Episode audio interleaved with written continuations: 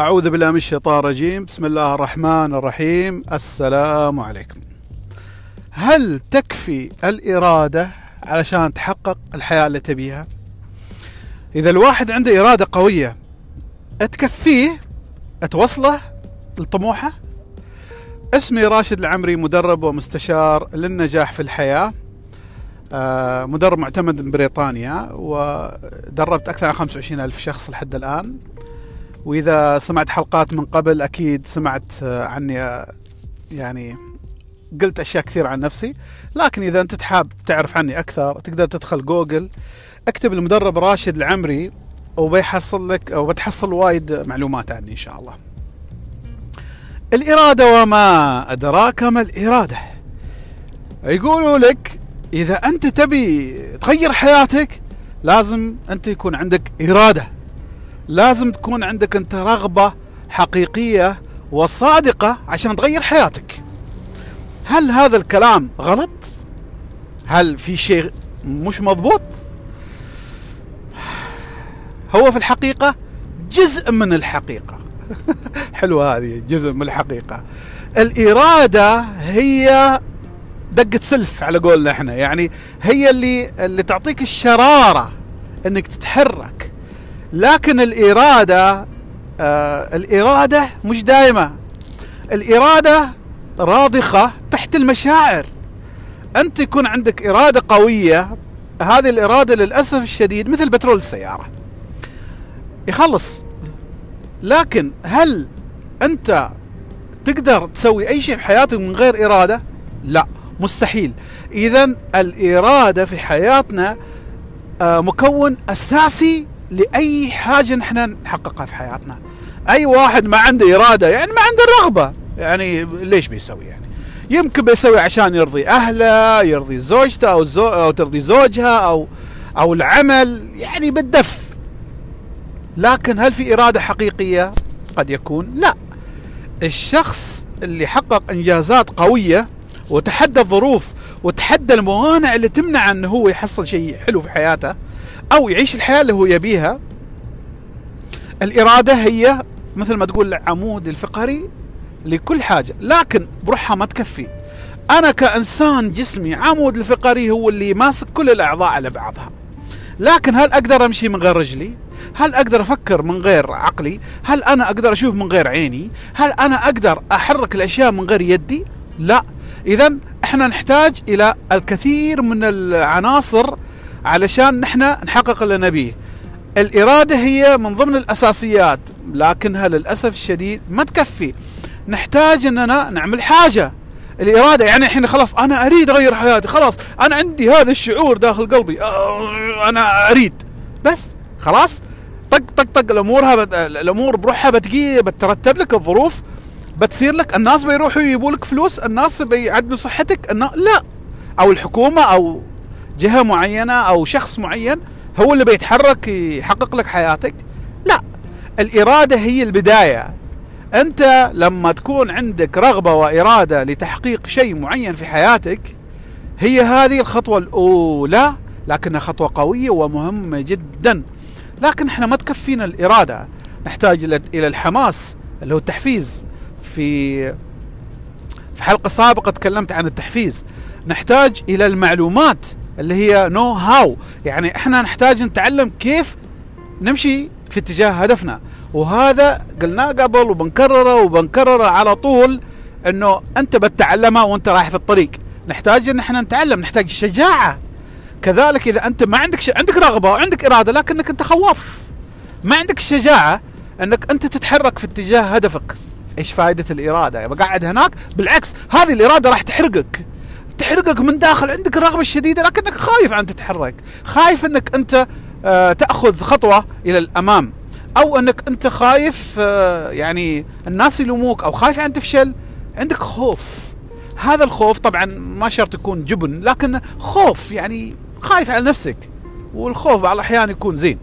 لكن ممكن يكون أنا يعني أحتاج مساعدة الآخرين. من ضمن الأشياء الحلوة أنك أنت لا تقول والله أنا بسوي كل شيء. لا يا حبيبي تحتاج إلى الآخرين. الله سبحانه وتعالى خلقنا فرد في مجتمع ومجتمع مكون من أفراد. لا يمكن الإنسان يمشي ويحقق أشياء كبيرة في حياته بروحه. ممكن أنا أحتاج إلى زوجتي أو أحتاج إلى زوجي أو أخوي أو زميلي أو أو أكون فريق عمل. دائما الإنجازات الكبيرة تأتي من تكاتف جهود كبيرة وكثيرة. فلما تجي تشوف تشوف إن في عناصر كثيرة نحن نحتاجها علشان نحقق آه، اللي نبيه. أما الإرادة أساسية لكنها للأسف الشديد ما تكفي. لأن الإرادة ممكن تنكسر. لا تقول إرادتك من حديد لا ممكن تنكسر. ممكن تتحرك تحاول المحاولة الأولى المحاولة الثانية المحاولة الثالثة تنحبط. ولكن الإنسان القوي اللي هو دائما يرمم هذه يرمم هذه شو اسمه الإرادة. مثلا أنا أول ما بديت في التدريب آه في تطوير الذات يمكن 12 15 سنة كان أول مدرب في التنمية البشرية في سلطنة عمان الأستاذ خلفان العريمي. وسبقني بخطوات. يعني أنا أول ما قررت إني أدخل في مجال تطوير الذات لقيت الأستاذ خلفان آه، العريمي قدامي. وعلى طول أنا ثاني واحد. هذيك الأيام ما في ناس يعرفوا إيش تطوير إيش تنمية بشرية ما في. نفس هذيك الفترة اللي جاء الدكتور إبراهيم الفقهي والدكتور صلاح الراشد والدكتور آه، صلاح آه، طارق سويدان. نفس هذيك الفترة اللي هم انطلقوا في الخليج نحن هذيك بداياتنا. في عمان لما تروح انت تطرق إحنا ما في وزارة ما دخلنا لها كل الشركات الكبيرة دخلنا عليهم ما كانوا يعبرونا. إيش تطوير الذات يعني؟ إيش؟ إحنا عندك دورات تجيب لنا فلوس تعال. عندك دورات تطور الموظفين في مجال عملهم تخصصهم تعال. لكنك أنت تطوير الذات الثقه بالنفس ومدري إيش والتواصل مع الآخرين وبناء فريق عمل هذه السوالف هذه نحن ما يعني ما ما نحتاجها.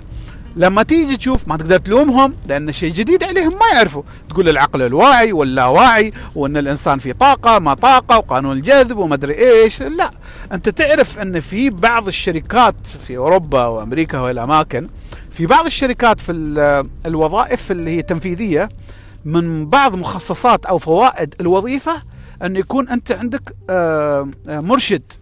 مرشد آه، يسموه لايف كوتش هذا المرشد الشركة تدفع له أنت ما تدفع له. أنك أنت مثلا كيف تطور حياتك الزوجية كيف تطور حياتك المالية لكن الشركة تدفع قيمته. طيب الحين الشركة إيش تستفيد؟ هم فاهمين أو وصلوا إلى مستوى وعي يعرفوا أن هذا الموظف إذا عنده مشاكل في البيت ما بيأدي في العمل. إذا كان هو منحبط عن زوجته ويعني أو في حياته الزوجية ما بيأدي زين. إذا كان هو عنده مشاكل صحية ما بيأدي زين. فلذلك هم شافوا إنه لما يهتموا في هذول المدراء التنفيذيين في صحتهم العاطفية والفكرية ينجزوا أكثر. لكن إحنا أول ما بدينا للأسف الشديد ما في. فكنا إحنا نروح إن يعني أنا كنت أنزل إعلانات في الجريدة آه، قاعه 500 شخص تحصل واحد ولا اثنين يوم. تخيل يعني كم أنا دافع إعلانات والقاعة وما أدري إيش. ولا يعني نيجي أحط 2000 3000 5000 ريال عماني. ومو بالحين يعني 5000 يمكن لها قيمة نقدية الآن. لا في 2019 لكن ترجع إلى قبل 15 سنة 5000 هذه تبني لك بيت هناك عندنا في البلدان يعني. فإحنا كنا يعني آه، كنا نبذل جهد وكنا نتعب ولكن للأسف الشديد ما كان في نتائج. وهذا الشيء كان آه، جدير ان يكسرنا آه رحت من مدرسة لمدرسة. يعني أنت تعرف إن أنا دربت أكثر عن 7000 شخص مجانا. لو كنت أعطيهم شهادة حضور من فلوسي. هذا كله علشان أني أنا يعني أشجع وأعلم الناس هذا المجال. فلذلك الشباب اللي اللي حضروا بعدنا مرتاحين. حصلوا الناس يعرفوا العقل الباطن ويعرفوا ما أدري إيش. الأرض ممهدة. يعني في فرق إنك أنت تجيب سيارتك في وادي كله أحجار الشارع غير مرصوف لكن فرق إنك أنت تحصل قار أو شارع أسفلتي يعني مسفلت. آه في فرق. ف قوة الإرادة في الحقيقة ما هي كانت اللي تدفعنا في هذيك الأيام. مش الإرادة. شغفنا للمجال حب المجال والرسالة اللي كانت وراء هذا الشيء. آه، أنا دخلت في التدريب أنا ما قلت قصتي آه، بقول قصتي بالتفصيل في حلقة كاملة لكن آه، على عجالة أنا قصتي مع التدريب أني أنا أصلا دخلت مجال تطوير الذات كمتدرب وليس كمدرب. أنا لما دخلت دخلت يعني أنا تلميذ وعلى أي أيادي مدربين غير عماني يعني أجانب. فبديت أقرأ كتب وأطلع على هذا المجال. أنا انصدمت انصدمت من قوة التغيير اللي حصلته في حياتي من قوة الدافعية اللي عندي. فيعني آه انعجبت وبديت أنا الشيء أوصل للناس. بديت أتكلم وأسوي جروبات صغار وشفت الناس متأثرين ومتشجعين والتفوا حولي. أوه شفت يعني سبحان الله شيء بالصدفة. لكن بدا ينبني ويرتفع بطريقة مو طبيعية. هناك أنا يعني مثل ما تقول يتني حرقه نار. إنه هذا هذا أنا لازم أوصله للناس. آه، أنا أبغى أدخل هذا المجال لأنه حبيت أشوف التغيير القوي اللي الناس يحصلوه في حياتهم بعد ما يحضروا لي. فكان عيني دائما على النتائج اللي الناس اللي بيحصلوها بعد ما يحضروا. كنت أشوف قيمتي الحقيقية مش في عدد الناس اللي بي حضروا لي أو كم بحصل فلوس. كنت أشوف كم عدد الناس اللي بيتأثروا وحياتهم بتتحسن للأفضل؟ فكان الدافع الحقيقي لنا مش الإرادة كان الدافع الحقيقي الشغف. حبنا للمجال إذا كنت أنت تحب الرسم آه، ما بعشان فلوس تقدر تطلع منه فلوس وتصير رسام مشهور وتطلع مبالغ محترمة. الرسم ما له لغة يعني تقدر تشتهر حول العالم. فلذلك الإرادة في رأيي لا تكفي تحتاج إلى عدة مكونات علشان أنت توصل آه، للقوة الدافعة أنك أنت تحقق إنجازات في حياتك. وهذا الهدف من هذا البرنامج ووجودي أنا الله بصحة وعمر وسلامة إن شاء الله لي وللجميع. إذا الله أبقانا أحياء وعندنا الصحة والعافية والقدرة إن شاء الله هذا دورنا. أن إحنا نساعدكم نحن سبقناكم وتعلمنا أشياء بالطريقة الصعبة و...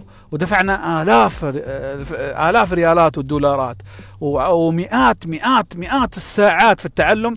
نحن نختصر لكم إياه ونعطيكم زبدة خالصة مخلصة. ما يحتاج كل هذه الأشياء. نحن نعطيكم الأدوات اللي تبوها. آه لذلك الإرادة لا تكفي. تابعني في كل الحلقات وإن شاء الله كل مرة بتعلم شيء. ممكن تتواصل معي على واتساب تسعة واحد سبعة واحد صفر ثلاثة ثلاثة تسعة. وإذا كنت من خارج سلطنة عمان تقدر تضيف فتح خط سلطنة عمان وتتواصل معي إذا عندك أي اقتراحات أو إذا استشارات أو أو إذا بغيت مثلا تقترح علي موضوع أتكلم فيه في حلقاتي آه، أنا حاضر. أو إذا حابين أقدم لكم آه، محاضرات أو دورات في مجال تخصصي تواصلوا معي وأنا حاضر. مستعد أقدم هذه الأشياء في سلطنة عمان. وأهلا وسهلا فيكم. شكرا على الاستماع ونلتقي في حلقة قادمة. والسلام عليكم ورحمة الله وبركاته.